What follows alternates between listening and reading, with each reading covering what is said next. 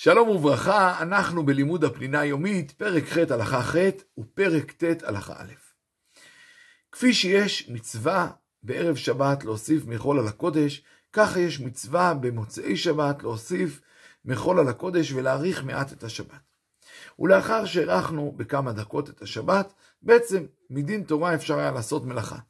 אבל תקנו חכמים, שעד שלא יבדילו אסור לעשות מלאכה, ואפילו מלאכה דה רבנן.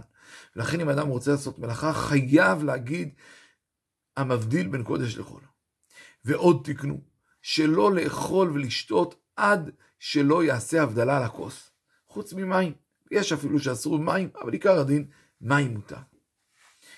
וממילא נמצאנו למדים שהבדלה בדיבור היא כדי לעשות מלאכה, והבדלה על הכוס זה כדי לאכול ולשתות.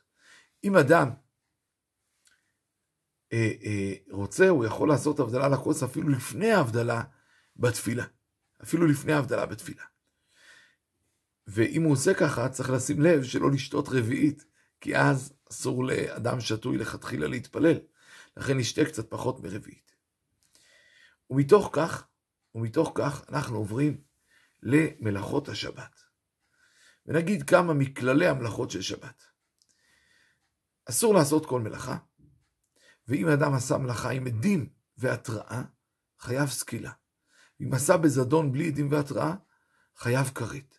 ואם עשה בשוגג, חייב ש... ובשגגה, חייב חטאת. התורה הזכירה ארבע מלאכות, חריש, קציר, עברה והוצאה. חריש וקציר ללמדנו שאפילו מלאכות שחיי האדם תלויים בהם, אסור לעשות בשבת. הברה, חז"ל אומרים לחלק יצאת. כלומר, להגיד לנו שעל כל מלאכה ומלאכה מתחייבים בפני עצמה, ואם אדם יעשה כמה מלאכות בשבת, חייב חטאת על כל מלאכה ומלאכה. והוצאה בא ללמד אותנו שאפילו מלאכה קלה, כמו להוציא מרשות לרשות, גם, גם היא נאסרה. ובכלל צריך להגיד ששתי כללים יסודיים למדנו במשכן. כלל ראשון, מה ההגדרה של מלאכה? דבר שהוא יצירה. לא דבר שהוא מאמץ, דבר שהוא יצירה. לכן להוציא מרשות לרשות אפילו מחט קטנה, איסור דאורייתא. אבל להתחיל להעביר בתוך רשות אחת, מחדר לחדר, דברים כבדים, ואדם יכול לעבוד שעתיים, להעביר, זה לא איסור דאורייתא, זה לא מלאכה. יכול להיות שהוא מבטל את מצוות שביתה, אבל זה לא איסור מלאכה. ועוד דבר למדנו, שצריך שיהיה מלאכת מחשבת.